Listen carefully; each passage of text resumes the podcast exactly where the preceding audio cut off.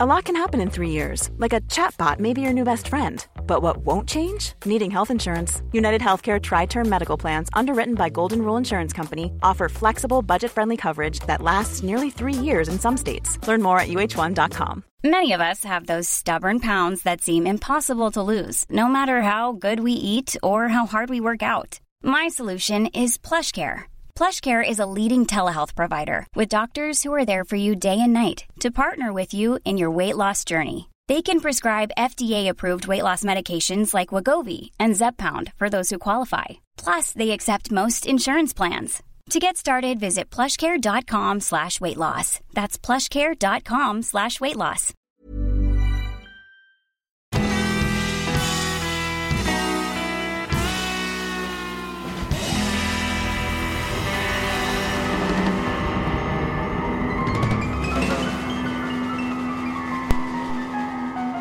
Hej allihopa och välkomna tillbaka till en ny säsong av Ståpäls. Det är nu säsong 5. Och det är ju alltid jag Ida och på andra sidan luren har jag Lukas. Lukas. Ja, Säsong 5 hörru du. säsong 5. Det är galet. Hur många avsnitt Ja. har vi gjort? Vi har gjort eh, 60 avsnitt. Ja, Mm. gud det börjar klättra lite. Ja, verkligen. Det tar sig. Så Ja, pyromanen tänkte jag säga. mordbrännan. Ja, mordbrännan. Ja, eh, och för er som brukar lyssna och för nya lyssnare så är ju den här podden en podd där vi tar upp eh, lite olika ämnen. Allt från eh, mord till övernaturligt och eh, konspirationsteorier och mytologier och allt möjligt. Eh, och då är det så att jag researchar någonting och Ida researchar en annan sak och så berättar vi det för varandra. Och det är ofta saker man kanske inte har hört någonting om förut. Så att det kan bli att man sitter här och säger Jaha, mm, ja, ja. Ja, alltså det är ju liksom, vi två sitter ju och berättar för varann och då blir det ju naturliga samtalspartiklar. Att man, man svarar varandra, man hummar, man visar att man hänger med och, Mm, precis. och våra reaktioner är ju våra reaktioner och våra tankar är våra tankar. Alltså vi, eh, Ja, så är det. vi är ju bara vanliga människor som reagerar liksom. Ja, och det är ju konstigt om man inte reagerar på sådana saker som vi pratar om. Ja, alltså både, både, alltså vissa saker är ju så otroligt korkade och dumma och vissa saker är så grymt hemska bara. Ja, Så att, eh, och, och det vi gör i många fall är ju att vi, eh, vi har en tendens att skämta för att vi blir lite obekväma eller det, men det är lättare det är så vi hanterar det. Ja, det är lättare att ta sig igenom vissa saker. Till exempel som i förra säsongen när jag pratade om eh, eh, Skara-kannibalen. Då skrattade jag ju för att det var så Mm. Ja men det, det, det, gal, det gick alltså. ju så långt. Ja men alltså Ja. man kan ju inte Nej, ta in det. ta in det när och då. Och, ehm, och alltså vi tar ju upp allvarliga ämnen och vi liksom, det låter kanske som att vi är lite råa ibland men det är ofta så vi är privat. Mm. Eh, och vi gör aldrig narr av sjukdomar eller vare, vare sig fysiska eller psykiska sjukdomar. Vi själva lever med fysiska och psykiska sjukdomar. Så att, Ja, ja, ja. Så det är eh, ingenting som man liksom eh, skämtar om för att man vill såra någon. Utan det är att man Nej. skämtar för att kanske själv orka liksom bearbeta det. Ja, och man kan Mm. själv kanske sätta sig in lite i situationer och, och sådär och liksom relatera och sådär. Mm. Så eh, vi pratar om allvarliga saker men försöker göra det på ett lättsamt sätt. Mm. Liksom. Och vi, vill, vi tar ju upp allvarliga saker och allt möjligt för att vi vill belysa det och för att vi tycker det är intressant och vi vet att Ja. andra tycker det är intressant och Det är ju det. ja, nej men alltså vi gillar ju att lyssna på sådana här poddar själva så eh, då växte idén fram helt enkelt. Det gör ju det. Och ehm, ja, nej så att eh, lyssna om ni vill. Annars så kan ni eh, lyssna på någonting annat helt enkelt. Ja men precis, det finns andra poddar att välja på om ni inte tycker att den här passar er. Det är helt okej. Ja, herregud. Vi ska inte tvinga någon. Nej, jag polisanmäler direkt. Det här Ja. är ett brott. Det är ett brott. Diskriminering. Nej, Ja, nej. Ja, ja, så Eh, det var och lite... För... ja, jag tänkte bara säga, för trogna lyssnare så hör ni kanske att ljudbilden förändras en del och eh, när vi började den här podden så hade vi bara varsin liten mygga. en Och liten sen har vi arbetat oss sakteliga framåt. Eh, jag har suttit med gammal Singstar-mikrofon. Någon eller Med typ en strumpa på. ja. Men nu har vi alltså båda två. Förra säsongen hade jag den här mikrofonen. Nu har Lukas köpt en likadan riktig kondensatormikrofon. Och Mhm. de är samma märke. Så att nu ska ni antagligen tycka att vi låter likadant. Jag hoppas det i varje fall. men- Ja, rösterna är inte de samma. Det kan vi ju... Jag hör, jag hör inte skillnad. Är det Lukas eller Ida som pratar? Jag vet inte. Vem är det som snackar nu? Ja, nej, men vi hoppas att det ska låta bättre för er. Eh, Man Mm. märkte ju lite. Det var, det var svårt för mig att producera eller liksom klippa ihop förut och få det så att det lät någorlunda likadant. Eh, Ja, i volym och sådär. Ja, men nu borde det vara okej. Eh, så att Mm. man måste ju investera lite i det man tycker om. Ja, precis. Ja. Ja, men det var väl lite information. Ehm, Ja. Och Ska vi eh, bara liksom, vi brukar ju ha uppdateringar, hur är läget? ja, hur är läget? Det har varit jul och nyår. Ja, det har varit jul och nyår och eh, jag är åter tillbaka i arbete. Jag var inte så ledig så mycket i julen då men... ehm, Nej, ni reste ju inte längre än till mina föräldrar. Nej, jul med oss. Precis, vilket var väldigt Så att, trevligt. eh, ja, det var jättemysigt.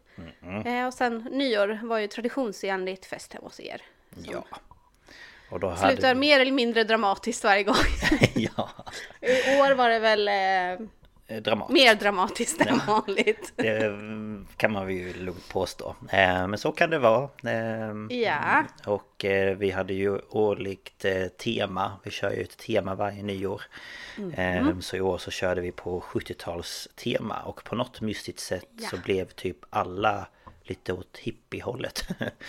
Ja, lite um, laid back stil. Mm. Jag tror det är helt enkelt det är det vi dras till mest. Ingen Ja. av oss är ju direkt disco. Nej, Eller sådär. även om man Så kan att, tycka eh, att nej, men, musiken eh, är bra så eh, blev det lite hippie Jo, jo. lite så. Men Ja, men det eh, var det var roligt, mysigt. mm, Och vi startade året med ett bang, om man så säger. Ehm, men bang. men ja, det som, ja. Ja. jag bara, men vilken bang. Vi går, inte, vi går inte in i detaljer här i podden. Nej, Men, eh, Nej. Det Ja, var, vi startade året så att säga med en rivstart. det gjorde vi Eh, verkligen. det var ingen som skadade sig eller så. Nej, Sist. nej, inte fysiskt i varje fall. Nog om det. Ehm, ja. Eh, annars så eh, gör man inte så mycket. Jag håller på med min YouTube-kanal. Jag är ute och fiskar så gott det går. Men i måndags eh, då hade jag inte gått ut och fiskat. För då höll jag på att flyga bort från min egen cykel. Ja fy alltså. Snöstorm så in i bängen. Ja, eh, det för er som inte eh, kollar på nyheterna eller tittar ut genom fönsterrutan så var det väldigt snöigt och blåsigt i måndags. Så att eh, Ja, jag kom knappt alltså- hem från jobbet. Nej och eh, våran region Uppsala ställde ju in typ all Ja, ja. trafik. Alltså det gick inga tåg, det gick inga stadsbussar, det gick inga re- regionsbussar. Ingenting. Så, att, Så eh, jag läste det var ju folk som eh, ställde upp på Facebook och frågade om folk behövde skjuts. Eh, Mm. De öppnade upp en kyrka i Skyttorp så folk fick komma in där och Ja, ja, ja. Och det är ju fint när man kan göra sånt. ja. Men nej, det nej slog men alltså verkligen det var till. kaos. Ja, Så är det. ja nej men ja du håller på med din YouTube och jag har startat upp min igen. det Så jag har, gör titta på. Unboxings på min kanal om ni är nyfikna på det. Mhm, det är spännande. Mm-hmm. Mm, det tycker jag. Du kör unboxing och jag kör magnetfiske.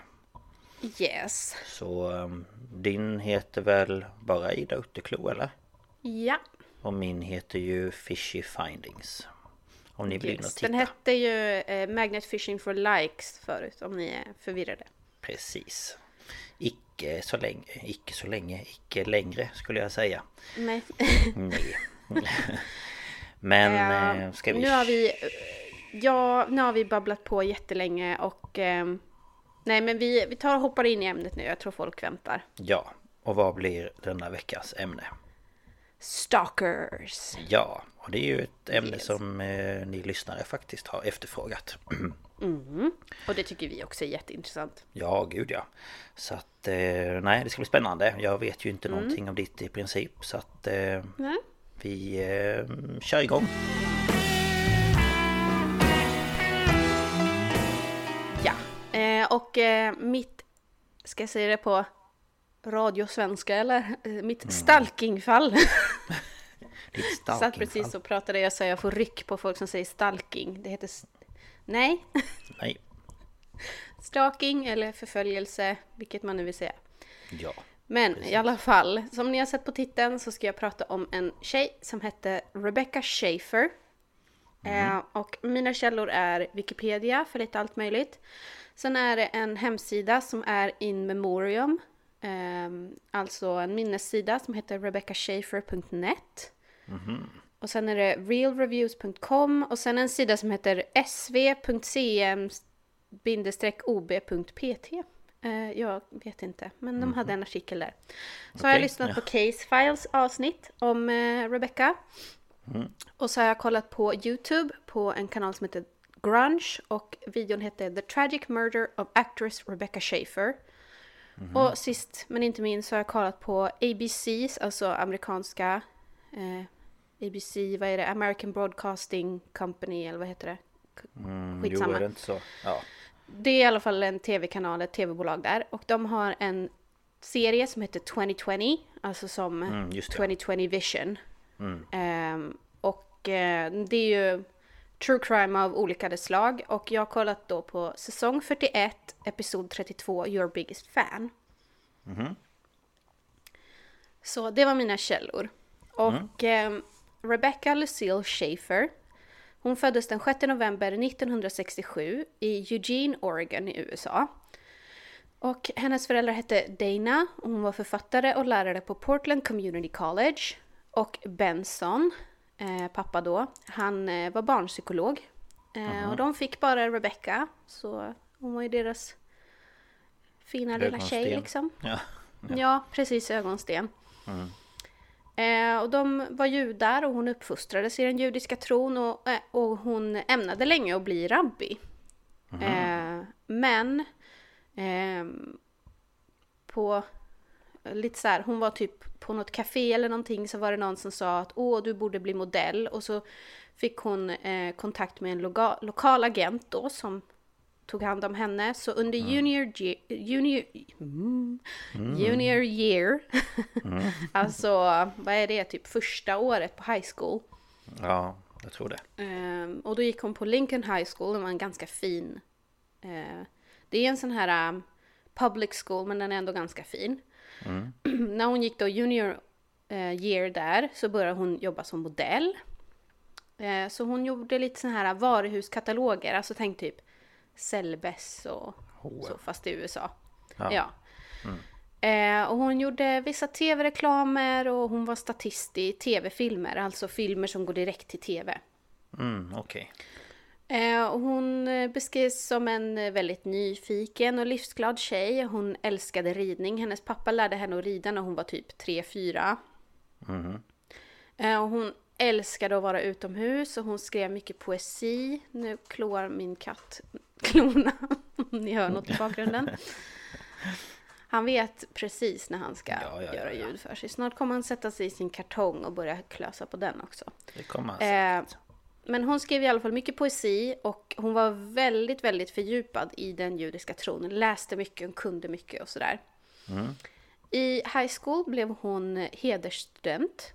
Alltså, ehm, det är väl den som, va, vad heter det, Valor, valedictorian, eller vad heter det, som får hålla tal och så. Mm, Ja, ja, precis.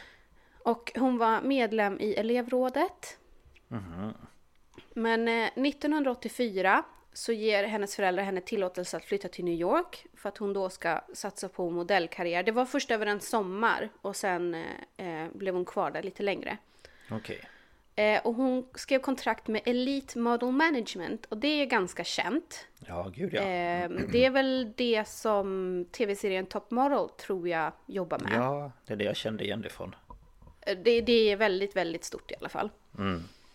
Eh, och hon fick så småningom en roll i en såpopera, såpopera som heter One Life Left to Live. Alltså det här är ju 80-tal, det är ju såpoperornas paradis. Ja, ja, ja. Eh, och det var ingen så jättestor roll men eh, hon eh, fick ju jobba lite där då. Hon sökte modelljobb samtidigt och kollegorna där på serien tyckte väldigt mycket om henne och hon jobbade väldigt hårt och liksom sådär. Ja men hon hade bra work ethics och liksom var en hel lille tjej. Girl next door. Mm, mm. Ehm, hon hade det svårt med modellandet för att hon var inom citationstecken bara 170 centimeter.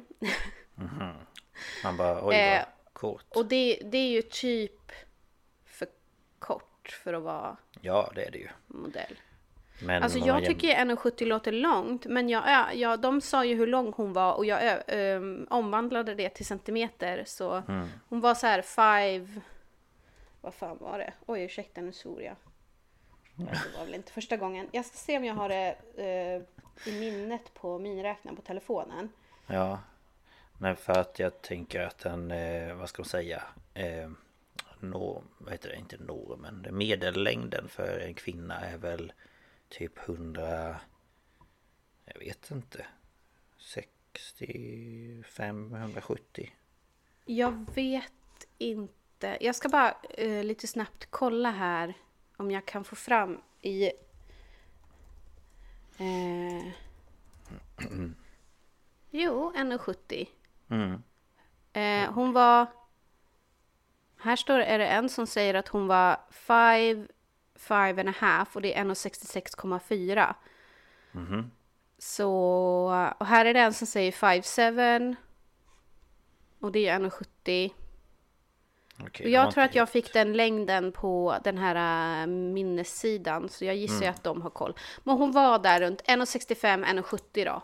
Ja, okej. Eh, och modeller är ju oftast väldigt långa, de kan ju vara typ 1,80 Ja, ja, ja, ja. Gud, och väldigt, väldigt smala.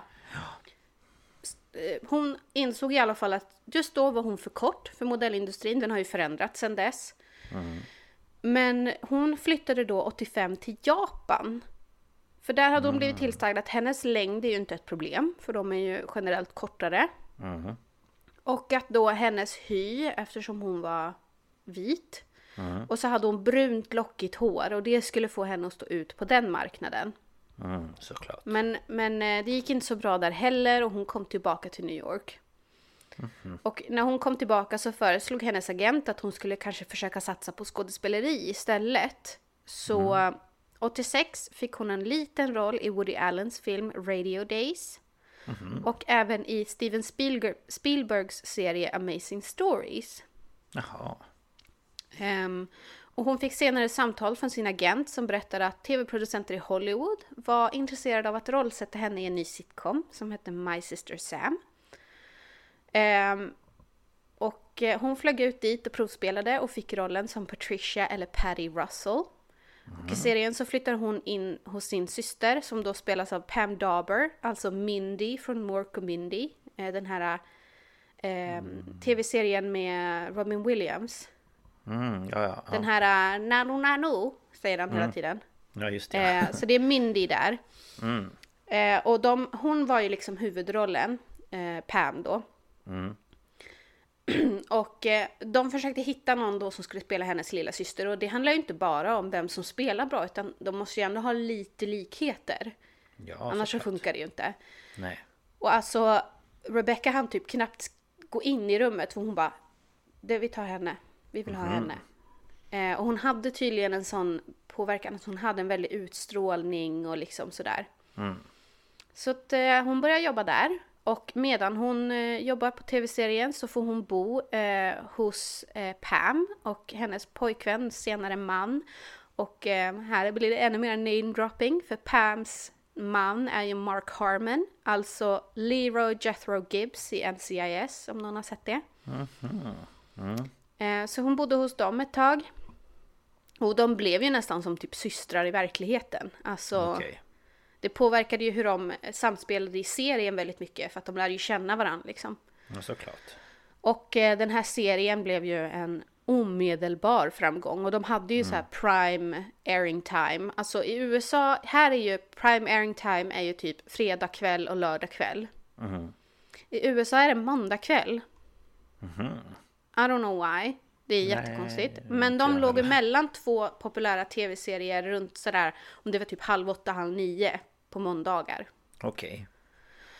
Ehm, så att det blev jättepopulärt och i samband med det här så fick Rebecca pryda omslaget på 17 Magazine i mars 87 och det här är ju huge. Ja, ja, ja. Det var ju så stort. Och efter det så fick hon mängder av fanpost. Jaha. Eh, och hon personligen svarar på alla för att hon fortsatte vara en väldigt jordad och ödmjuk person trots sitt kändisskap. Hon kallade sig aldrig för en kändis. Hon, hon tog liksom inte riktigt in det. Nej. Och hennes eh, co-stars var ju så här, men vad då svarar du på alla brev? Gör inte det, det kan bli farligt för att vissa människor kan tolka det du skriver fel. Precis. Och hon var så här, men de är ju så gulliga och jag vill verkligen visa att jag har läst och allting. eh, så att eh, hon svarade ju lite i alla fall. Men sen så blev det, hon fick ju fortfarande mycket mail och till slut så, eh, mail, post. Ja, post. mail fanns inte då på samma sätt. Nej. Ehm, men, men till slut så blir det ju för mycket och då tar man ju hand om, tar man hjälp av eh, företag då som tar emot fanposten, sorterar den och ser till, oj nu slog jag till micken, och ser till att alla får ett slags svar, typ en så här eh, förtryckt bild med en autograf på. Mm, ja, precis. Mm. Eller så. Men så svarade de på vissa. Hon orkade inte läsa alla, men de som hade skrivit långa brev så skrev hon saker som att åh, det här var det finaste någon har skrivit till mig. Och ett hjärta, typ. Ja. Alltså väldigt sådär, ganska opersonlig. Hon skrev samma svar till ganska många, men hon ville ändå visa att hon hade tagit emot dem. Eh, Hon blev fortfarande varnad för det, men hon ville väldigt gärna visa sina fans att hon Ja, ja. att hon såg dem liksom. Ehm. under andra säsongen av My Sister Sam så sjunker tittarsiffrorna för att de flyttade den från, om det var måndagar till typ lördagar eller någonting. Och då sjönk TV, tv-siffrorna. Och efter bara tio avsnitt så lägger CBS ner serien. Den gick alltså på CBS. Ehm, och resterande säsongen sändes på ett annat tv-bolag. Ehm, och de blev ju såklart besvikna för de trodde ju att det här skulle bli en långkörare. ja, såklart. Alltså om man tittar på liksom Vänner och Big Bang och The Office, hur långa de blev. Eller Grey's Anatomy. Nej, jag. Ja men precis. Ja det är ju inte riktigt en, en sitcom på det sättet. Nej, jag vet. Man menar att de har men- väl typ gjort... Vad är de inne på? Säsong 30? Nej, jag vet inte. Ja men hur bra är de då? Nej, de var bra i början. Men sen... Eh, nu typ vet jag de inte. fem, sex första säsongerna. Ja. Sen spårar det. Sen alla men i alla ja, nej. ja, det var det ju ingen som gjorde här i alla fall. Här var det bara att de flyttade till Mm. en annan dag och då blev det kaos. Men det är ju lite konstigt egentligen. För jag tänker lördag då har man väl ändå mer tid att tänka nu klockan åtta Alltså, ska jag kolla på TV. Jag vet, jag vet inte hur tittarsiffror och sånt funkar i USA, men alltså de kan ju ha liksom, vi har ju typ Let's Dance och sånt på fredag eller lördag. Mhm. Men Dancing with the Stars i USA kan gå på måndagar, samma med Idol. Ja, Jag tycker det är jättekonstigt men det är väl någonting. Ja, så jag vet inte, och typ i Storbritannien kan eh, Dancing with the Stars, eller vad det nu heter där, eh, Come Dance with Me, gå på typ torsdagar. Så att jag, jag vet inte riktigt hur, hur tittarsiffror funkar i andra länder, men De har väl Ja. räknat ut det på något sätt. Ja, alltså de, de ser ju statistik. Men i alla fall.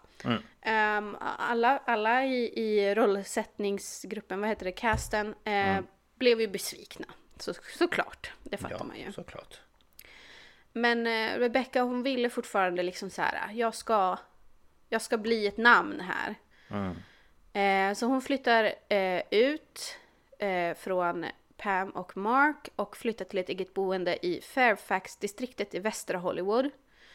Ehm, och hon tyckte väldigt om, mycket om det. Det var ett litet lägenhetshus i så här Tudor-stil. Så det är så här vitt med stora mörka eh, bjälkar på utsidan. Mm. Om du tänker sånt. Mm. Ehm, och det var ett lägenhetshus, det var några lägenheter. Och hon, hon trivdes väl där och de slängde in en liten eh, typ fun fact i dokumentären och bara Ja, bara några hus bort så bodde ju en kille som hade gjort ett par de, reklamfilmer och den unga mannen var Brad Pitt. Man bara wow. Han han eh, gjorde ju sin första reklamgrej var ju typ en reklamfilm för Pringles eller någonting. Jag kommer inte ihåg. Typ, ja. Alla måste Ja, börja så- någonstans. Ja, men precis. Mm. Eh, men hon, hon trivs ju där, men hon berättade ju för sina föräldrar att hon kunde sakna, hon, hon hittade inte riktigt hem i Los Angeles som hon gjorde i New York. Alltså New York, allting är ju så kompakt där, allt är ju på samma ställe. Ja, ja. Och hon sa att hon kunde sakna att liksom vakna mitt i natten och order Chinese food. Mm. Och bara få det såklart. hemskickat. Alltså i Los Angeles är det ju allting så mycket mer utspritt. Ja, det är ju det.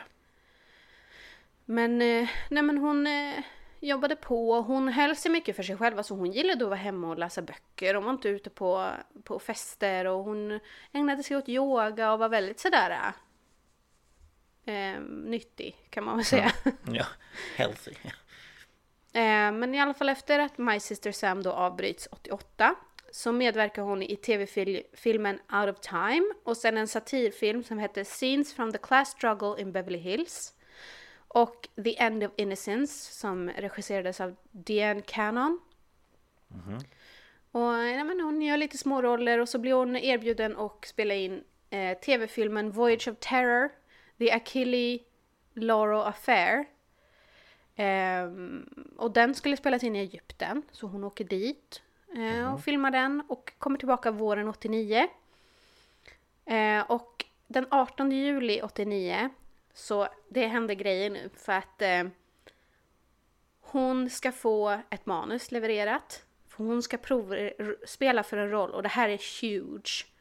För hon ska alltså eh, provspela i, för en roll i Gudfadern del 3. Då skulle hon alltså spela Michael Corleo- Corleones dotter. Jaha, oj. Så att eh, ett manus skulle ju då budas hem till henne och hon skulle läsa igenom det och sen skulle hon då träffa Francis Ford Coppola. Ja. Ehm, och den här dagen, det är flera saker som bara oh, byggs på varandra. Så hon, hon är nervös, hon väntar på det här, hon är taggad. Och så ringer det på dörren och det ringer på själva porten. För att porttelefonen den här dagen är trasig. Okej. Så hon måste gå ner och öppna. Aha. Och eh, hon tänker det här är budet så hon går ju ner. Och det står en främmande man där som säger att han är hennes största fan. Och han visar henne, han har med sig ett kuvert och drar fram ett foto och ett brev då som hon har skickat. Och det är alltså ett sånt här, det här var det finaste brevet jag har fått. Ja, ja, ja, ja. Ehm, och hon pratar honom, eh, med honom lite kort och sen säger hon att jag har tyvärr inte tid för det här, jag väntar på ett jätteviktigt bud. Eh, och sen säger hon åt honom att det känns inte riktigt okej att du kommer så här så jag vill helst inte att du kommer till mitt hem igen. Nej. Och eh, en timme senare, då är vi vid ungefär 10 på morgonen, så ringer det på hennes dörr. Och då går hon till dörren eftersom porttelefonen inte funkar. Och när hon öppnar dörren så hoppar den här mannen fram. Ehm, han då som varit där en timme tidigare. Han hoppar plötsligt upp från ett gömställe. Tar tag i hennes arm och dra- drar en pistol som han hade gömt i byxlinningen i ryggen och skjuter henne en gång i bröstet. Oj. Mm. Och hon föll då ihop i dörröppningen och gärningsmannen flyr från platsen. Och en granne hörde, de, det var två skott då. Mm. Ehm, hon hade blivit träffad om det var i armen också eller något, jag minns inte riktigt. Nej. Ehm, men han hör det här och ett liksom blodisande skrik. Så han rusar till dörren och hittar Rebecca. Och andra vittnen ser en ung man i gul tröja jogga upp för Hollywoodkvarteret. Och eh, han svänger in i en gränd och försvinner. Och eh, Rebecca tas till Cedar Sinai, eh, Sinai Medical Centrum. Men 30 minuter senare så förklaras hon död. Mhm.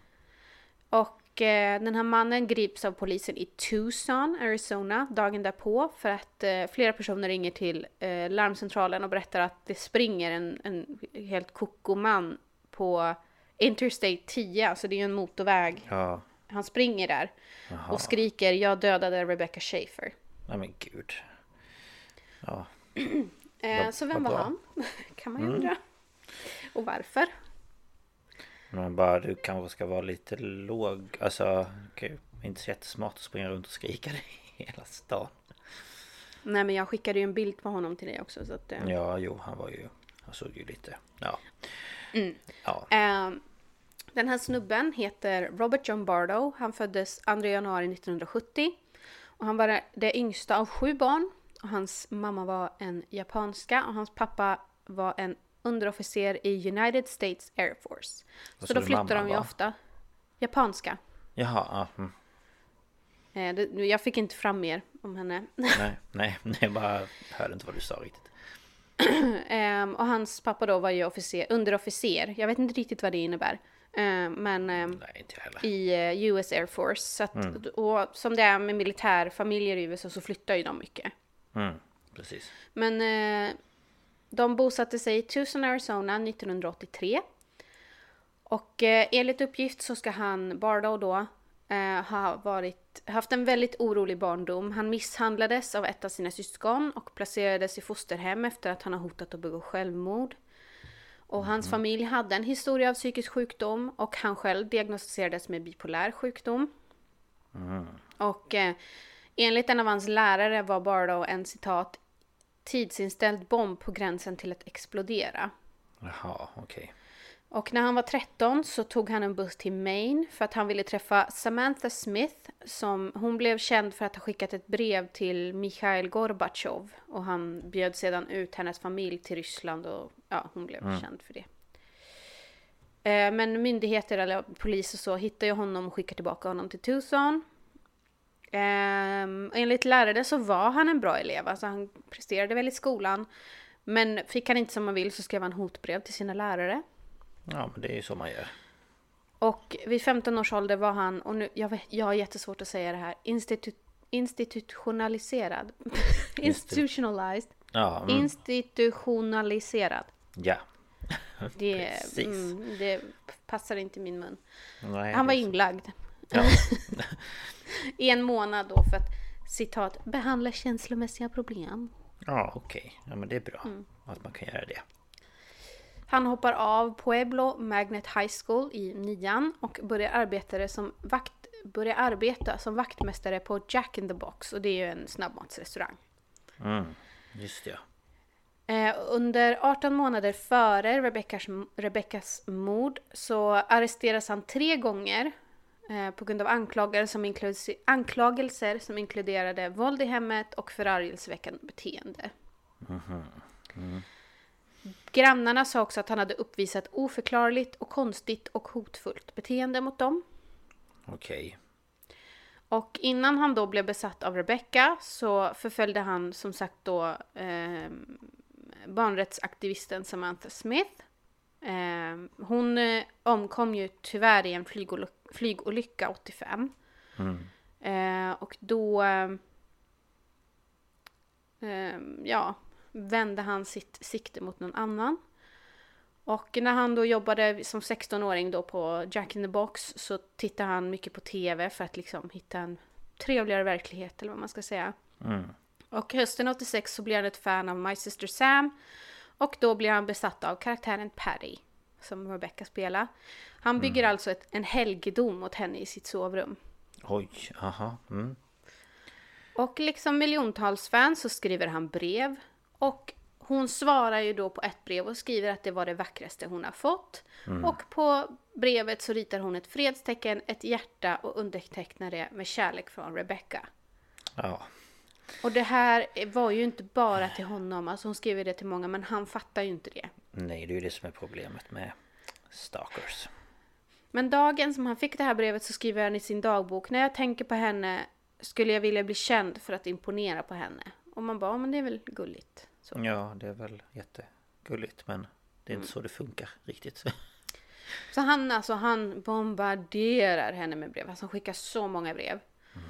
Och eh, han tar till slut en buss. Han tar sina hard-earned custodian, eh, eller vad fan heter det? Custodian, vaktmästarpengar. Eh, och åker i juni 87 till Los Angeles. Och eh, köper den största nallebjörnen och största buketten blommor eh, som han har råd med. Och försöker komma in på stu- till studion då där de spelar in My Sister Sam. Eh, och han kommer dit och han har med sig det här brevet och fotot som hon har skrivit på och vill då komma in och vakten är så här. Ja, vi vet inte. Och han är så här, jo men hon, hon vill att jag ska komma och hon tycker om mig. Så de eh, ringer ju då till hennes... ehm, de har ju som såna här små husvagnar typ, som är Ja. deras loger. Ja men precis. Och typ eh, hennes agent svarar och de bara nej, alltså vi vet inte vem det här är, se åt honom att gå. Så att han får inte komma in.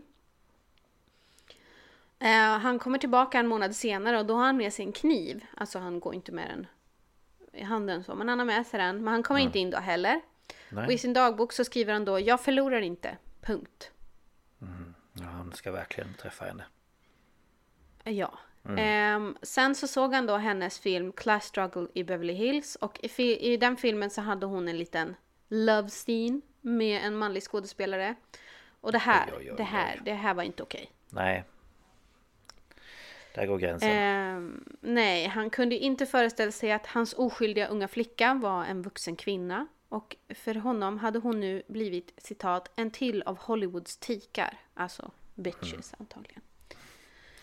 Japp. Så han beslutar att hon eh, måste straffas för sin omoral. Så han ritar ett diagram över hennes kropp och markerar ställen där han planerar att skjuta henne. Och han går då in eh, i en butik för att köpa en pistol. Men ägaren är så här, mm, du känns inte riktigt stabil nog psykiskt för att få köpa ett vapen. Nej. Så nej, du får inte köpa något. Och han skriver till och med ut en bild och skriver namn och bara sälj inte vapen till den här snubben. Kudos till honom. Egentligen. Ja, som han då sätter upp så att ingen ska sälja något. Det han gör då bara då är att han ber sin, ber sin äldre bror Edgar att köpa. Han ger honom eh, pengar så han går in och köper ett vapen. Ja men såklart. Så att eh, han får ju tag i ett i alla fall. Och han fortsätter att skriva massa kärleksbrev till Rebecca. Och han samlar, alltså han... Eh, för de som inte är uppvuxna med VHS och så, så kunde man ju spela in från TV på ett VHS-band. Ja just ja, precis. Och liksom göra sina egna filmer eller mixtapes. Och han gjorde det med allt hon gjorde. Alltså, hon var ju med i livesändning på så här Thanksgiving Parade. Och grejer. Och han spelade in det och han liksom, ha, han hade allt det där.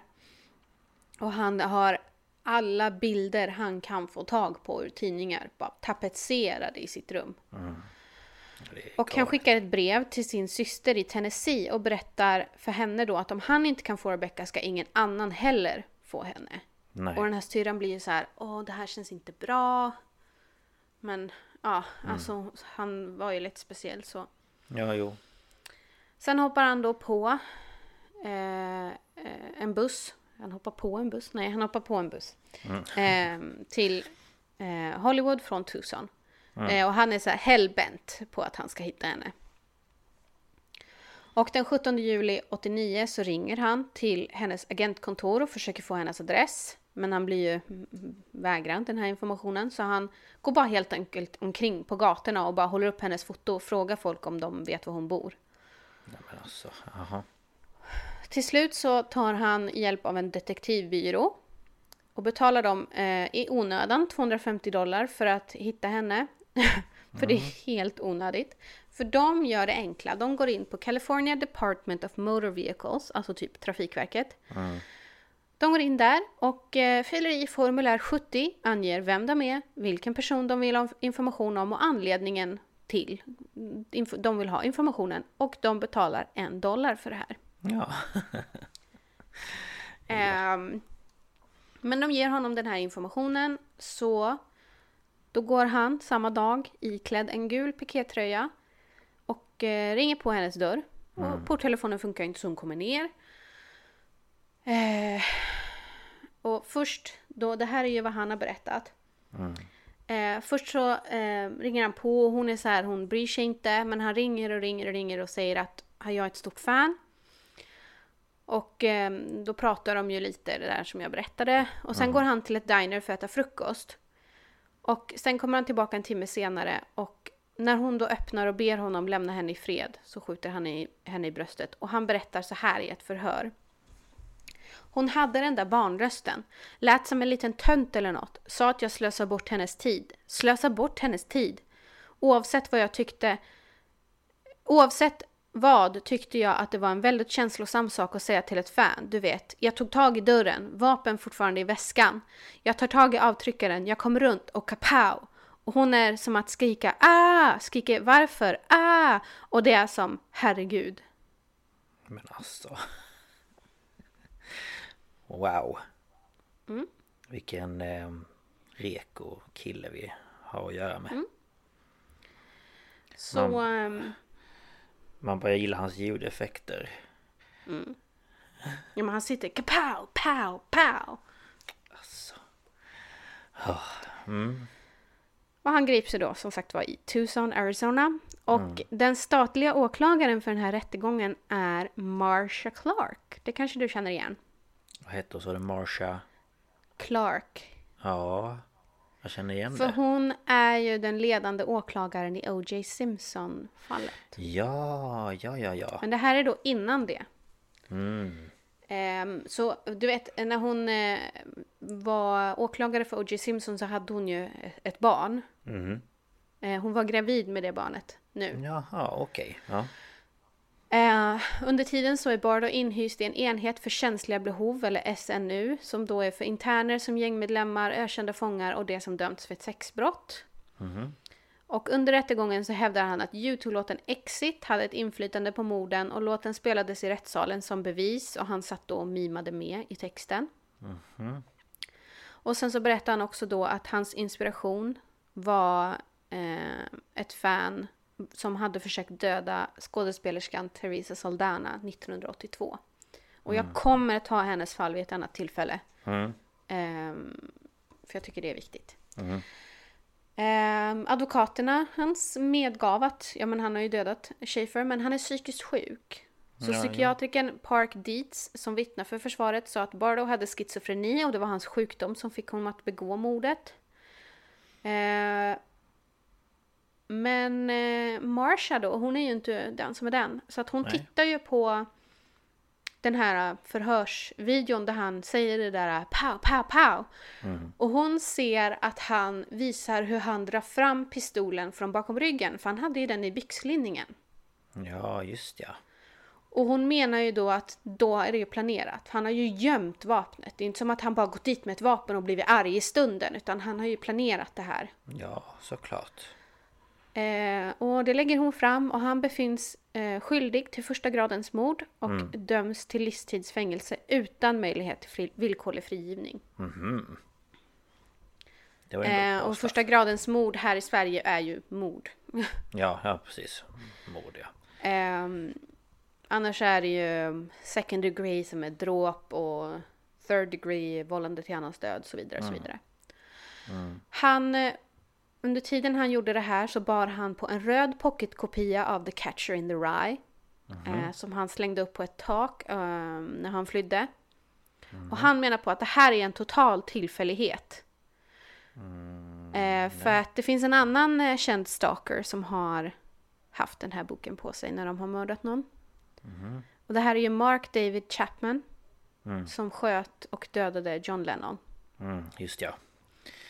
Yes, och yes. Chapman har avslöjat i intervjuer att han har fått så här, typ fanbrev från Bardo innan han mördade Schaefer där Bardo frågade hur det var att vara eh, livstidsdömd. Jaha. Mm. Huh. Ja, Som då, en konsekvens, va? Men då har han ju verkligen planerat det här. Det är ju inte att han är... Visst att han kanske har Nej, det här var inte, det här var inte, nej, nej, nej, nej, nej, nej. Det är inte så att... Och grejen var att när eh, hans syster fick höra att Rebecca hade blivit skjuten, då ringde hon till polisen och sa jag tror det kan vara min bror. Mhm. På grund av vad han hade skrivit till henne. Så det här är ju inte, det här är ju, det är Ja. absolut inte någon, eh, i, i, liksom, det har flugit i honom så. Nej. Men som en konsekvens av hans agerande och hans metoder för att få tag på Rebeccas adress så antar den amerikanska kongressen Drivers Privacy Protection Act som förbjuder statliga avdelningar för motorfordon att avslöja hemadresser till delstatsinvånare. Mm. Delstatens invånare. Eh, och efter mordet så antas de första anti-stalking-lagarna i USA, inklusive Kaliforniens lagstiftning 646.9. Mm. Mm. Eh, och den här, det här uppbyggandet till de här lagarna har ju med Teresa Saldana att göra också. Så det, jag kommer fylla i mm. de luckorna senare. Mm.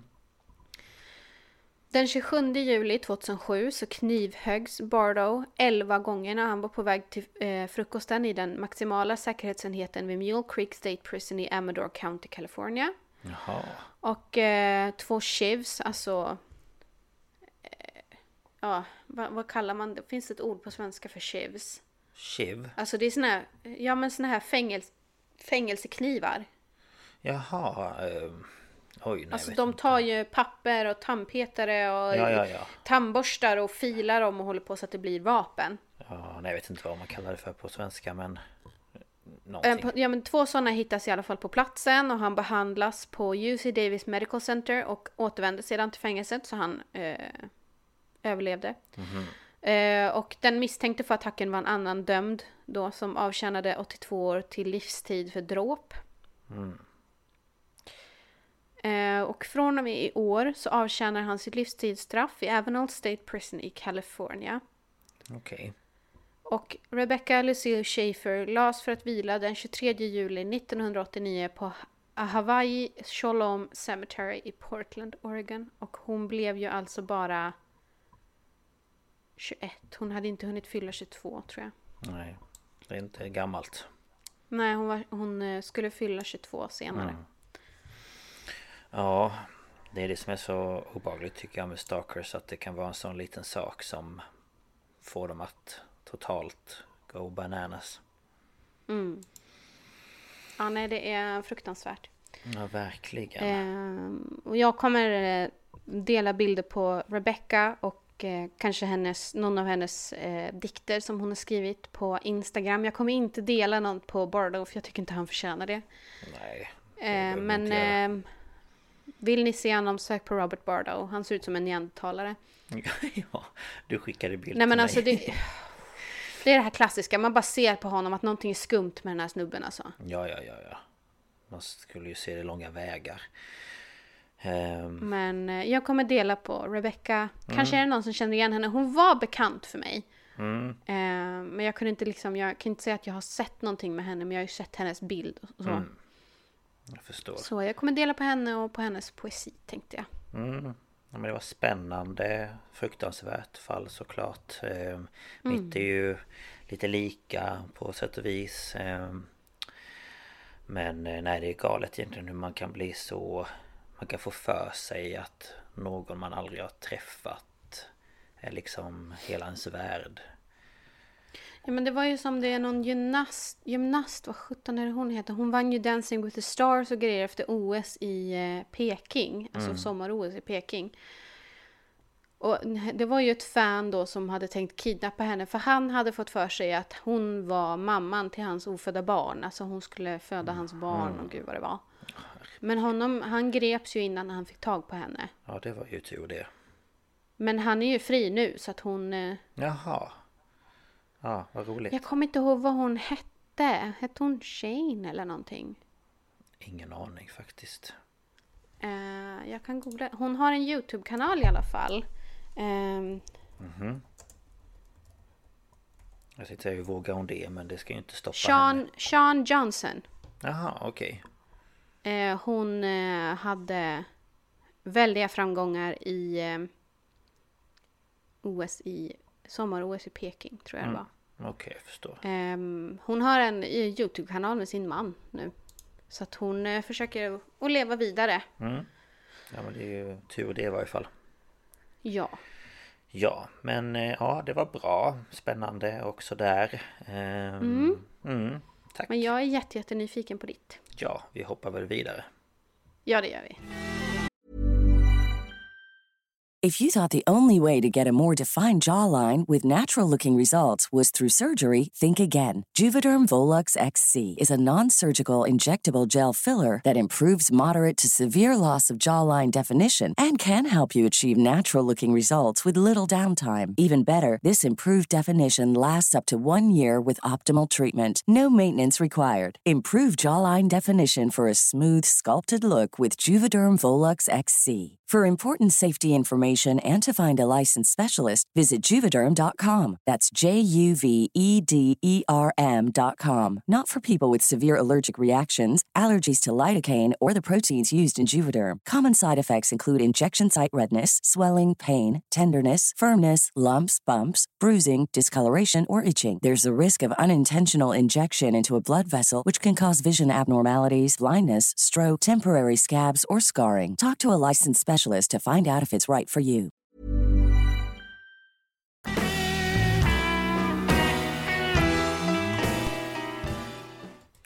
Eh, ja, och jag ska ju då prata om ett annat stalkerfall eh, Och det är eh, om Christina Grimmy Och eh, jag har tittat på en Youtube-kanal som heter Emma Kenny Och det är då eh, om Ja, eh, Kevin Loyble heter mm, han som stakar och sen The Murder of Christina Grimmy. Eh, och sen eh, har jag lyssnat på en podcast som heter The Stalker Files. Och sen har jag ja, kollat lite på Wikipedia och sen eh, lite små artiklar lite här och där. Och eh, Christina hon eh, föddes den 12 mars 1994 i Marlton, eh, New Jersey i USA. Och eh, hennes föräldrar de heter Tina och Albert Grimmy. Eh, Och eh, Tina hon arbetade som eh, receptionist eh, fram till tills dess att hon eh, diagnostiserades med bröstcancer. Och eh, Albert arbetade för Verizon Communications och det är ju liksom typ som vår Telia eller Tri eller ja. En eh, Eh, operatör till- eller vad säger man? Ja precis, mobiloperatörs eh, ja, kundtjänstgrej liksom. Eh, och det jobbade han med fram till år 2014. Och eh, Christina hon eh, hade även en äldre bror som eh, heter Marcus eller Mark som han kallas för. Eh, och eh, Christina hon har eh, italienskt och rumänskt ursprung. Eh, och hon gick i Bethel Baptist Christian School. Ja, fint ska det vara. Och sen gick hon efter det i Marlton Middle School och sen eh, Cherokee High School. Och när hon var sex år gammal så började hennes familj förstå att hon hade en talang, vilket då var att sjunga. Eh, och de har då senare berättat att de tyckte att hon var otroligt duktig och vid tio års ålder så kunde hon även spela piano. Oj. Ja, eh, hon kunde läsa noter men hon eh, liksom använde aldrig sig av noter utan hon hade bara ett helt fantastiskt gehör. Oj, ja det är imponerande. Ja, så det innebar ju för ni som inte vet att hon kunde liksom lyssna på en låt och sen sätta sig vid pianot och sen spela och sjunga den här låten. Ja, alltså de hör, de behöver inte ha noterna, de hör noterna kan man väl säga. Precis. Så att eh, ja, nej, hon var väldigt duktig. Och eh, hennes familj och vänner de har berättat att hon var eh, introvert eh, och hon valde därför att inte visa upp sin talang för andra människor. Eh, men hennes pappa han uppmuntrade henne hela tiden då han liksom förstod att det hon hade var något speciellt. Och familjen, eh, som ni kanske förstod med vilken skola hon hade gått i så var de väldigt starkt troende kristna. Och eh, hon Emma Kenny, den här Youtube-kanalen, hon förklarar i sin Youtube-video att eh, Christinas familj förmodligen såg det Alltså hennes sång, liksom att hon kunde sjunga så bra Att det var som en gåva från Gud Ja. Och att det liksom inte skulle vara rätt att För dem då att strunta i den här gåvan Nej men precis. Mm. Ehm, så år 2009 eh, då är Kristina 15 år gammal. Eh, då startar hon en Youtube-kanal. Och eh, den här kanalen den fick namnet Zelda X Love 64 Som då är inspirerat från tv-spelen Zelda. För Kristina hon verkligen älskade att spela Alltså tv-spel och dataspel Och hon var vad man då kallar för en gamer. Hon var även väldigt eh, duktig på det här eh, Och andra personer då kände igen henne på olika plattformar. Eh, Typ som dagens, eh, vad heter det, typ Twitch eller vad det heter. eh, Där man då ja, spelar online. Och folk visste liksom vem hon var. Ja, så streamar de ju ofta nu för tiden också så de får ju ansikten på folk och... Ja, ja men precis. Ehm, Så det var väl lite det hon gjorde fast liksom för några x antal år sedan. Ehm, Och eh, hon spelade ofta tillsammans med sin eh, bror då de stod varandra väldigt nära. Och eh, de hade även en varsin tatuering på alltså varsin arm då Där det på ena armen stod Player One och på hennes då Player Two Ja, Så de hade en varsin sån fint.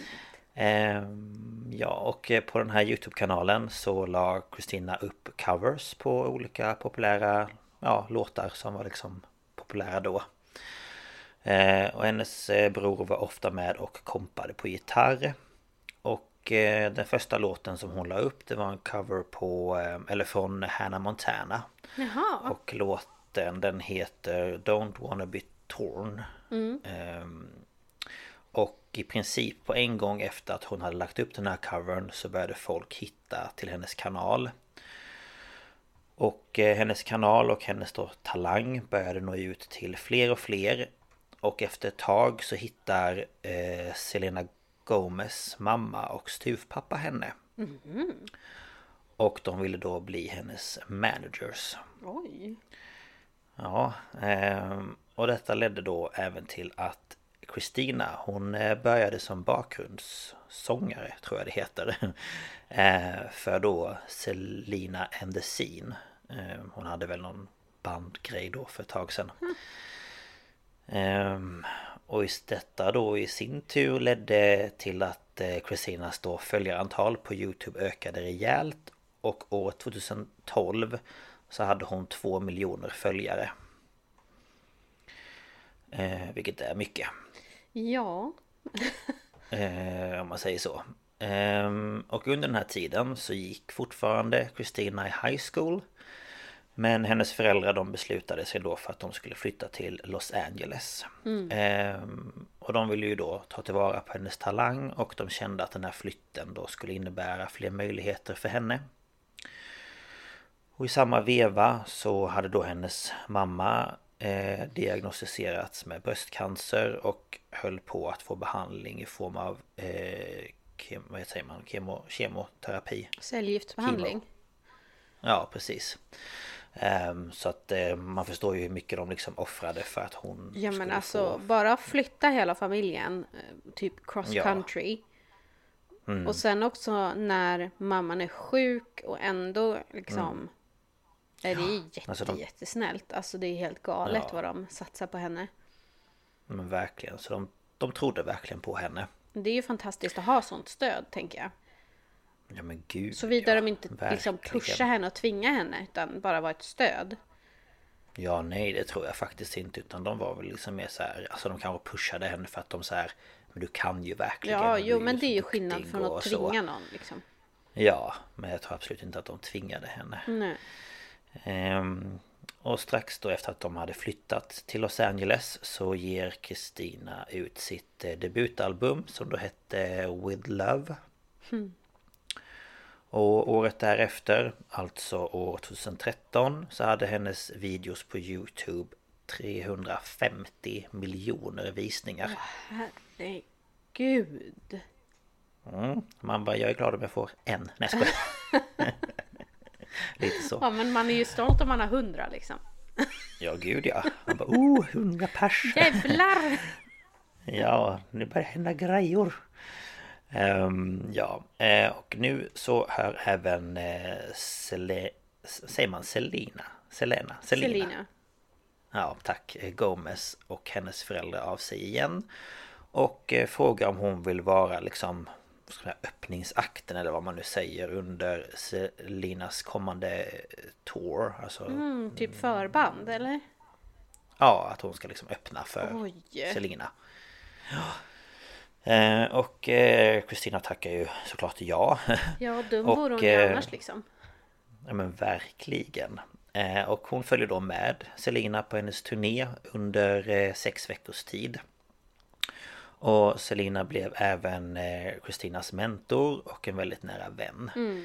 Och Kristinas bror Han blev i sin tur hennes sån här tour manager mm. Och spelade även gitarr med henne på scen Ja, mysigt Ja, så de liksom ja, hängde med varandra hela tiden mm. i princip. De verkar ha haft ett väldigt nära relation. Mm. Ja, men det är väl kul? Ja, gud ja. Och eh, år 2014 eh, så har hon hunnit fylla 19. Och då, eh, om man inte redan trodde att hennes genombrott hade kommit så kommer nu hennes stora genombrott. Eh, för hon bestämmer sig nämligen för att hon ska vara med i säsong 6 av The Voice i USA. Mm. Och hon framför då en cover av Miley Cyrus eh, Wrecking Ball. Mm. Och alla fyra av domarna de vänder på sina stolar. Och eh, hon väljer då Adam Levine mm. eh, som sin röstcoach. Och han blir så imponerad av henne så han planerade att signa henne till hans skivbolag. Men det är dock inte bara han som vill signa henne utan även av någon anledning Lil Wayne ehm, Som vill signa henne till hans bolag Young Money Entertainment Okej okay. Ja ehm, Jag vet ju vem Christina... jag hade valt av de två men...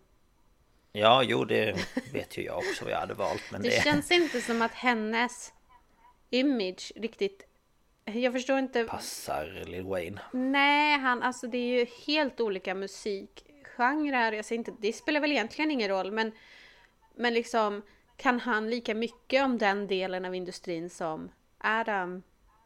Jag vet faktiskt inte. Ja. Det är alltså, jag vet inte men... Nu är det eh, inte det podden handlar om men jag bara... nej, nej, nej, jag har ingen aning men jag tror att han, det känns som att han borde vara mer liksom inne mot liksom hiphop, rap eh, så men... Sen, han kanske är jättekunnig inom alla genrer och liksom... Ja, det säger De har väl sina, sina fördelar på olika sätt men ja. Mm, så är det. Eh, men Kristina i alla fall, hon vann inte den här säsongen utan hon kom på tredje plats. Mm. Men det var dock inget som gjorde något för henne utan det gav ju henne mer uppmärksamhet och fler då som fick veta vem hon var. Ja men alltså för det mesta så här är, är det ju vinnarna i sådana här tävlingar som det, de försvinner ju typ. Ja, det kan man bara kolla på Idol, alltså svenska Idol, alla vinnare, det är ju typ knappt ingen som liksom är kvar i Nej gamet. men alltså jag tror att det har att göra med att när man vinner så är man ju så här, åh du får ett skivkontrakt med det här bolaget och du får med det här managementbolaget. Mm. Att de blir ju låsta till ett och det är väl helt fantastiskt. Men, men de jo. som kommer efter då är mer fria att välja. Mm. Ja det är ju det och du, om du då vinner och får ett visst så här, det här är det du ska göra och här är den skivan du ska släppa. Mm. Då kan man ju inte sätta sin egna liksom Nej precis. Det kommer vi ihåg när Agnes Karlsson vann Idol. När mm. hon blev så pressad att släppa ett album inom bara några veckor så hon fick ju körtelfeber och grejer. Ja gud. Ja nej. Nej jag tror det är bättre att komma typ två eller tre. Ja men det tror jag också. Ja. Eh, och efter detta då så fick Christina även en roll i en romantisk komedi som heter The Matchbreaker. Jag har inte sett den så jag vet inte. Nej jag har inte sett den heller. Jag känner igen namnet men nej. Mm. Eh, och den 10 juni 2016 eh, och då har hon då hunnit fylla 22 så ska Christina eh, framträda på The Plaza Live i Orlando i Florida tillsammans då med sin bror. Mm. Och den här kvällen så skulle hon uppträda tillsammans med bandet Before You Exit. Och jag vet inte heller vad det är för band men ja. Nej, ingen aning. och tidigare samma dag så postade hon en sån här shout shout-out typ på sociala medier att hon skulle då till The Plaza Live mm. och att hon ville att ja, de som kunde eh, skulle komma dit och se henne uppträda och få träffa henne efteråt. Mm. Bara en sån här påminnelse, hörni ni har väl inte missat att jag ska spela här typ? Ja, ja men precis. Bara, ja men en kort liksom meddelande i ja. princip. Eh, och den här konserten den gick riktigt bra och ungefär runt klockan 10 på kvällen så var den slut. Eh, och eh, efter konserten så träffade hon sina fans. Alltså då de som hade backstagepass. Mm. Och det brukar ju också kosta lite mer så det var väl liksom att hon ägnade lite mer tid åt dem. Ja men man brukar ju men... få en kram och ta ett foto eller Ja men precis. Men då Kristina verkligen brydde sig om sina fans så tänkte hon att nej men jag vill träffa de andra också. Så hon bestämde sig för att träffa de andra fansen i själva lobbyn. Mm. Och hon ville eh, att även de då som inte hade råd att köpa ett backstagepass skulle då få möjligheten att träffa henne. För mm. att, ja, och det är ju väldigt fint av henne för det är ju knappt ingen som gör så. Nej. De är ju typ alltså... trötta och vill bara hem. Jo det fattar man ju också. Men... Eh, ja gud ja. Ja men hon var verkligen så här, Hon bara ja det är mina fans och de ska men, få träffa mig om de vill. Ja men jag tror att de, många vill ju gärna träffa sina fans och så men de har kanske inte möjligheten till det. Um, Nej, så precis. har man det är det ju jättefint. Ja. Ehm, och man har då i efterhand uppskattat att det var cirka 150 personer kvar då som ville träffa henne mm. och då ja, få saker signerade, ta en bild med henne eller köpa någon sån här merchandise eller någonting. Ja eller bara säga hej liksom. Ja. Ehm, och en av de här personerna var den då 27-åriga eh, Kevin James Loibl. Ehm, och jag tänkte prata lite om honom. Eh, för Kevin han bodde med sin pappa, sin bror och sin pappas flickvän i Sankt Petersburg i Florida. Mm. Jag, först när jag läste det så såg jag inte att det stod Florida så jag bara men varför bor han i Ryssland och så ska han... Ja det var aha. jävligt långt att åka liksom. Ja verkligen.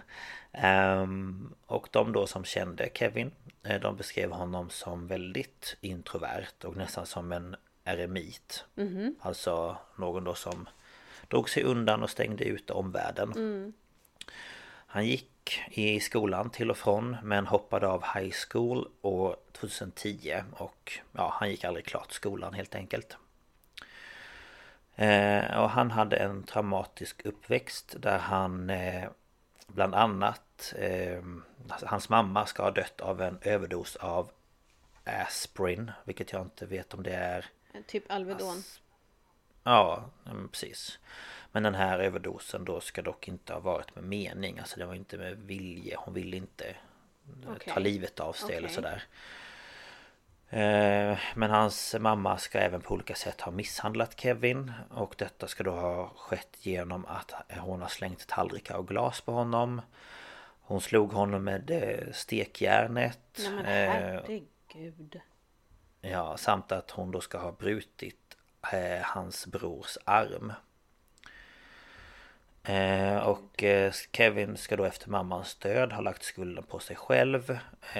Och anledningen till det här var att han ska ha uppmuntrat henne att ta en överdos.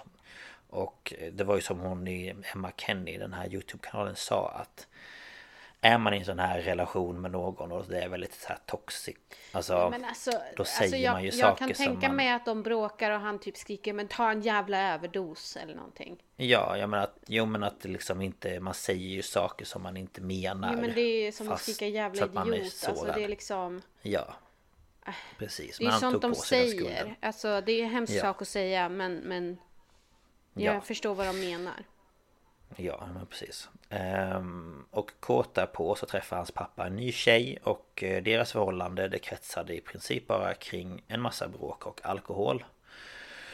Och eh, bråken de var ofta så allvarliga så att polisen fick komma dit då grannar de ringde och var oroliga. Och detta fick då Kevin i princip se varje dag, de här bråken. Mm. Och år 2013 eh, så började Kevin och eh, hans pappas flickvän att bråka. Och flickveckan, flickveckan, flickvännen berättar då för polisen att eh, Kevin slängt igen dörren på hennes arm så att hon bröt armen. Eh, Men det här var då ingenting som Kevin höll med om.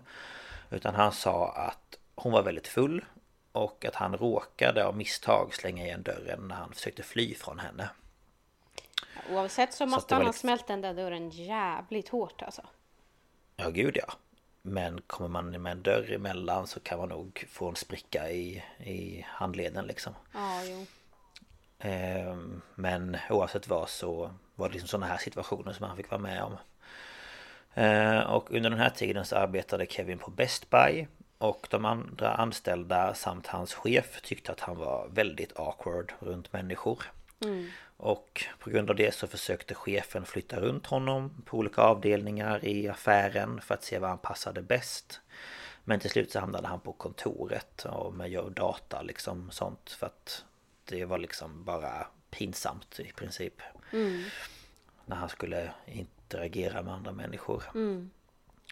Och han hade knappt inga vänner alls utan spenderade all sin lediga tid med att spela dator och specifikt då World of Warcraft. Alltså, WoW. Ja, det var ju jättestort då. ja. Jag Och tror det här till och med spelet... två av mina syskon spelade. Ja, ja, ja, det gjorde ju mina syskon också. Jag Men ville det väl, men det blev aldrig av. Men det, det finns väl fortfarande? Ja, gud ja, det finns det är ju bara att fixa.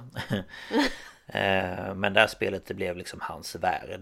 Han levde i den här världen i princip. Och eh, han har liksom lite så här självdiagnostiserat sig själv. För han säger att han hade problem med ljus. Ehm, Alltså att det var ljust i rummet. Ehm, Så han täckte sitt sovrumsfönster med tjocka gardiner, täcke och aluminiumfolie. Men överdriv.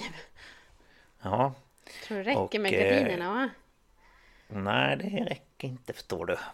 Ehm, och Kevin, han hade inget intresse av att vara i något förhållande. Varken med en ja, tjej eller en kille. Han var inte heller intresserad av att ha någon form av sexuell kontakt med någon.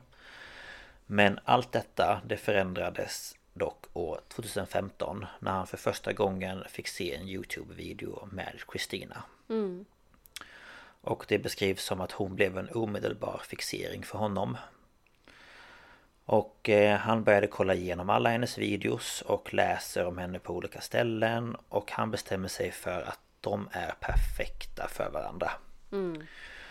Och den största anledningen att han kände så eller tyckte så det var för att de båda gillar ju tv-spel.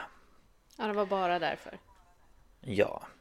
Eh, och han börjar därefter följa allt hon gör online. Och han stakar henne på sociala medier. Och han spenderar timmar med att kolla på hennes videos. Och han börjar även prata med sina kollegor på jobbet om hur förälskad han är i henne. Och han berättar för dem att han tänker gifta sig med henne. Ehm, och för att då få det hela att kännas lite mer verkligt Alltså det här då som han berättar för sina kollegor Då börjar han säga att han har börjat spela spel online med henne Vilket man inte riktigt tror är sant Nej. och det hela går så långt att eh, år 2016 så börjar hans kollegor bli väldigt oroliga för vad han berättar för dem. Så de pratar i sin tur med hans chef. Och chefen i sin tur visste inte vad han skulle göra. Och då det här inte var liksom ett, ska man säga, ett problem gällande arbetsplatsen. Så var ju chefen inte skyldig att göra någonting åt det. Nej.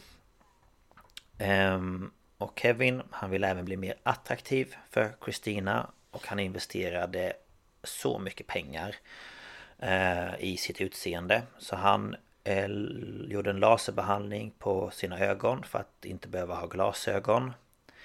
Han blekte sina tänder. Han gjorde en hårtransplantation för att liksom eh, för, vad heter det? Eh, så här residing, vad heter det? När hårlinjen Ja. åker eh, upp. Ja. Eh, Ja, receding Försöka- hairline eller vad heter det? Ja, precis sån operation grej. Ehm, och ehm, ja, han spenderar helt enkelt mycket tid och pengar för att bli mer attraktiv.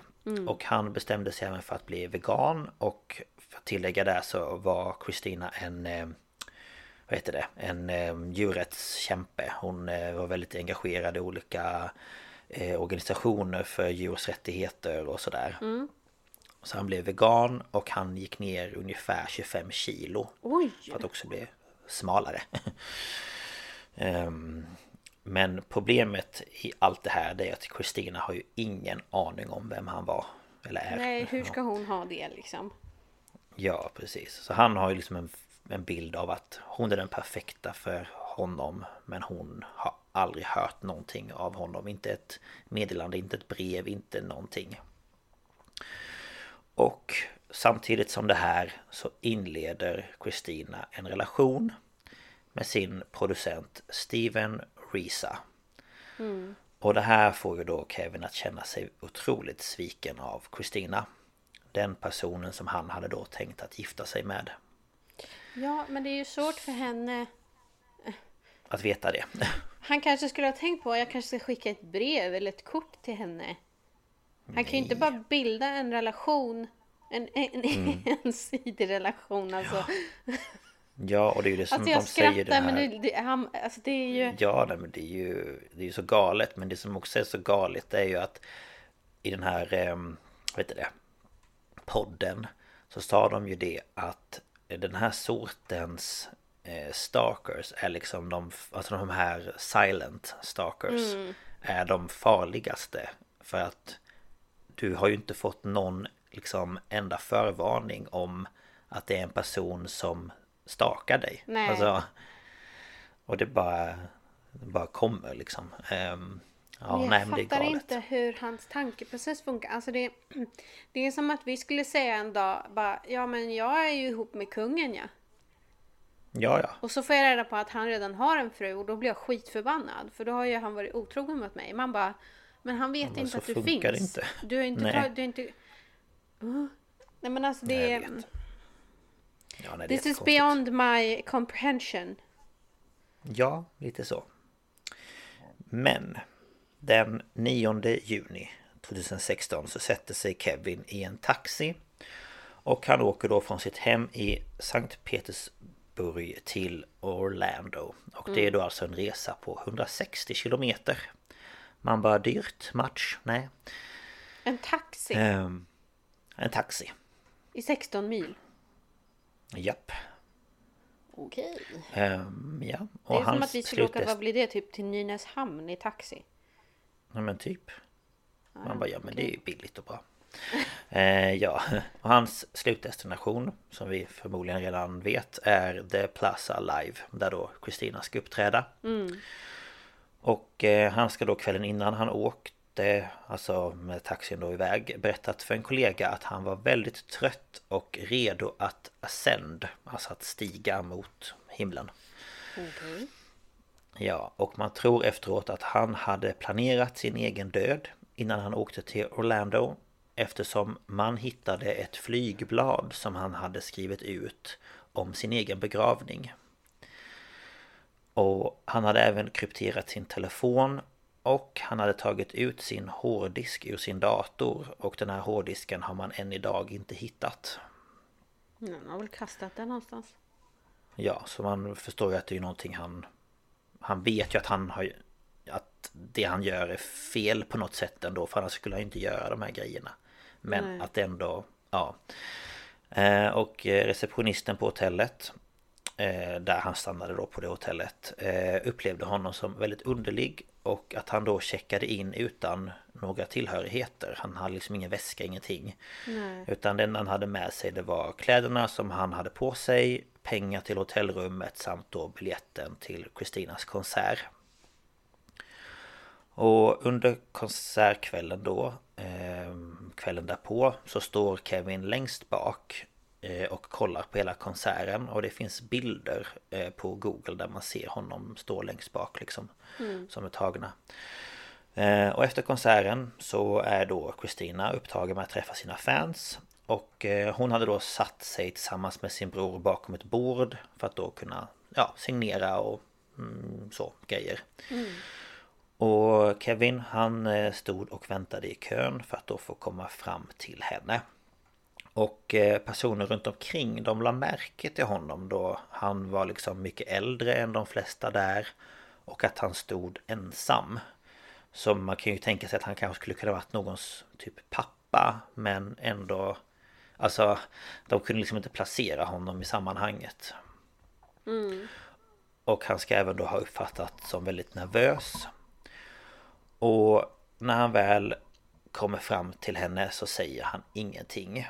Och Kristina som den liksom eh, fina tjej hon var eh, tänkte att han bara var väldigt nervös och Ja. håller då ut sina armar för att ge honom en kram. Ja. Och innan hon då hinner krama honom så tar han fram en 9 mm Glock och skjuter henne fem gånger. Åh herregud. Ja, och det första skottet träffar henne på vänstra sidan av ansiktet. Och han stod så nära henne att krutet brände hennes hår.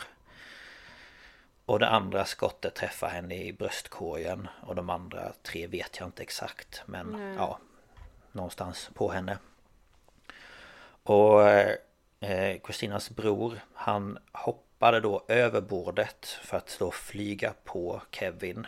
Och han gjorde allt för att få eh, bort vapnet från honom.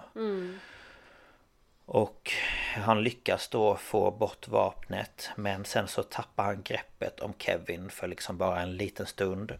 Så han sliter liksom sig loss och plockar då upp en till pistol som han har gömt i byxan.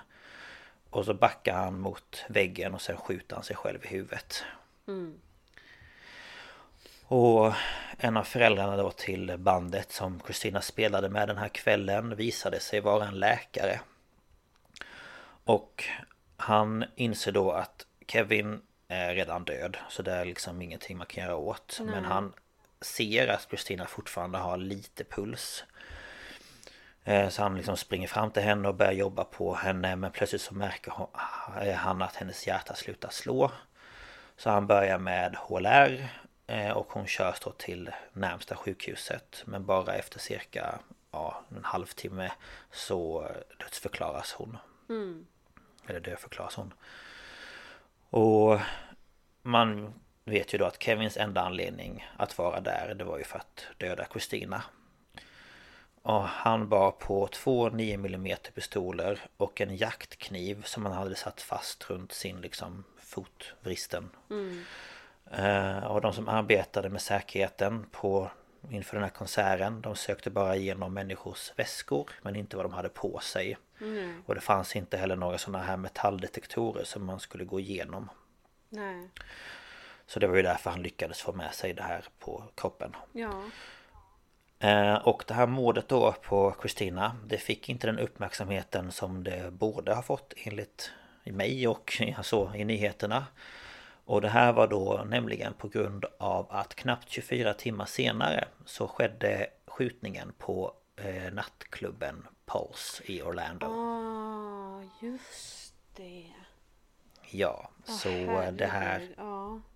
hamnade ju lite i, skymundan ja, liksom det, det kan man ju ändå fatta. Alltså, Ja, båda grejerna är ju verkligen. Mm. hemskt. Men ja, det där som hände på Pulse, det är klart att det tog större utrymme. Ja, gud ja. Eh, Så att eh, så var det. Och tre dagar efter hennes död så höll man en ljusmanifestation till minne för hennes eh, För henne då i hennes hemstad. Och där närvarade 500 personer och däribland hennes bror Mark. Och den eh, 16 juni 2016 så hade man en privat begravning för Kristina Så att det var liksom bara Ja De närmaste och eh, Kevins familj bad om förlåtelse till Kristinas familj för vad han hade gjort då. Och de lämnade en handskriven lapp på deras dörr där de beklagade sorgen. Ja, alltså det var väl fint gjort. Men egentligen så ska ju inte de behöva be om ursäkt för någonting han har gjort. Nej, men det var väl Men, mer bara eh, att de kände liksom vad Ja, fan jo, jag, jag fattar. Jag fattar varför. Ja. Men eh, Ja. Och eh, Selena Gomez hon pos- postade då på Twitter och skrev My heart is absolutely broken. I miss you Christina. Och hon gjorde då även en tribut, eh, alltså tribut då på scen fem dagar efter hennes död och där, alltså hon bröt ju ihop hela tiden. Ehm, och eh, en annan sak som jag tyckte var väldigt fin det är att Adam Levine hon, hon, han betalade för att Kristinas kropp skulle flygas hem eh, samt för hela begravningen. åh. alla liksom kostnader kring gravsten och ja, allt. Mm. Ja, det, det kan bli dyrt. Ja, det kan Så ju verkligen Det var bli ju det. fantastiskt snällt. Ja, verkligen. Och sen till slut så den 2 september 2018 så förlorade Kristinas mamma kampen mot cancern. Och då var hon bara 59 år gammal och hon hade innan dess kämpat och blivit av med cancern tre gånger. Ja, så jag kan förstå att kroppen ger ju upp Ja. lite. När man Ja, får och- hantera sån sorg. Ja men precis. Och det sa de ju även i både podden och i Youtube-kanalen att när man liksom har När man liksom blir i en sån det blir liksom stress och sorg Mm. att kroppen bryter ju ner sig själv lite. Alltså Och då är det inte konstigt att även om hon hade klarat sig så många gånger att det inte gick längre. Nej, och det är jättetragiskt. Ja verkligen. Så att eh, Ja man, man vet det är ju lite så här mm, Sorgsen över att eh, hennes bror har liksom fått eh, Både mamma och sin liksom bästa vän i princip kändes det ju som.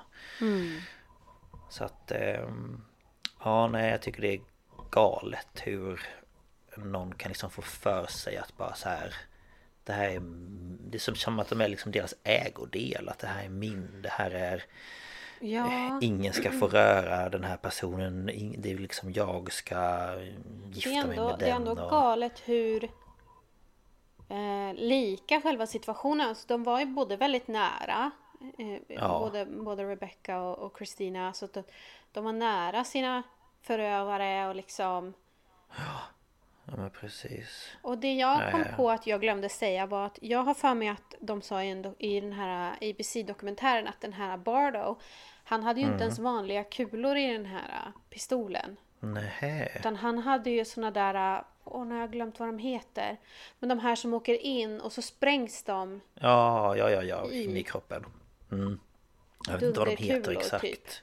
Ja jo, jag vet vad du menar. Så det Eh, krävdes ju bara en liksom för att hon skulle få såna stora skador. Ja men såklart. Och jag menar Som eh, de beskrev eh, om Christina det var ju att han Alltså Kevin var ju redan Alltså det var ju pöl av blod liksom runt honom. Men det var ju det att de försökte ju hitta var hon var skjuten överallt och försöka stoppa alla blödningar För hon blödde ju också jätte jättemycket Ja, och jag menar liksom just det här med bröstet, det är ju lungor och allt möjligt. Alltså, Ja, och ansiktet. Alltså rakt in i huvudet. Alltså det är ju så... Ja, nej jag tycker det är helt galet. Och Ja, det att de båda blev så unga. ja, så det skilde ju bara något år eller ett halvår eller någonting på dem liksom. Ja. I ålder. Ja men precis. Så att eh, nej, ja det är tråkigt för jag Det är nämligen så att jag eh, Ja men för länge länge sedan. Jag tror det var i början när hon liksom började lägga ut låtar på Youtube. Då hittade jag henne via några andra kanaler med musik som jag följde på Youtube. Och då kom hon upp i någon av deras som en sån här collab. Alltså de skulle sjunga en cover tillsammans. Och då gick jag in och så började jag följa henne. Och sen när det här hände så var man ju så uppe i det här med skjutningen i eh, Orlando och det här Mm, på Pulse så att man Vad ska man säga, man reflekterade ju kring det men det var ju ingenting som liksom Ja, men man läste det som en Ja Och sen nu- grej. när man, jag gick in och kollade på hennes första cover igen och lite sådana där grejer eller när de här jag följde gjorde en eh, tribute till henne och sådär och man blir ju lite Ja, lite såhär vad fan Livet är så skört Ja, nej det är helt galet. Mm, verkligen. Men ja, det var två fall, eh, ganska lika varandra. Det var väldigt Om, långt eh, emellan. Ja, men ändå lika och eh, väldigt eh, tråkiga slut. Men så är ja, det. verkligen. Ja, Det, är, det är jättetragiskt. ja, eh, det är det. Men tack så mycket för det. Alltså, jag kände ju igen hennes namn och du har pratat om henne lite förut. Men jag har inte liksom lyssnat så mycket på henne eller så. Eh, Nej. Men det var väldigt intressant. Tack så mycket för det. Ja, ja, självklart. Men eh, det var allt för det här avsnittet. Ja, Och hoppas att det, ni tyckte om den här säsongsstarten. mm, det får jag hoppas. Ja. Eh, och vi Ja. kommer ju ha 15 avsnitt är det bestämt va? mm, det stämmer. Och eh, vi har inte lagt in något uppehåll utan vi kör 15 veckor i rad. Mm. Ehm, som vanligt, har ni några tips eller så så kan ni mejla oss på staphalspodcast.gmail.com Eller skriva på vår Instagram, staphalspodcast. Eh, jag rekommenderar också er att följa oss där för vi lägger ju upp bilder. Eh, som nu kommer vi lägga upp bild på Rebecca och Kristina. Och mm. information om det skulle bli så att ett avsnitt blir uppskjutet eller inställt så, så läggs det upp där. Ja, så in och följ. Ja, och Lukas skriver mm. också den här informationen i samt äh, samtalsbeskrivningen, nu då, avsnittsbeskrivningen. ja, precis. nu börjar min hjärna se upp sig, nu är det bra. Nu är det bra. Nu, nu är det bra för idag. God nu är det bra, nu är det dåligt. Ja. ja. Nej men så är det. Men eh, tack så mycket för att ni har lyssnat och ja. eh, vi hörs igen nästa vecka. Det gör vi. Hej då! Ja, hej då!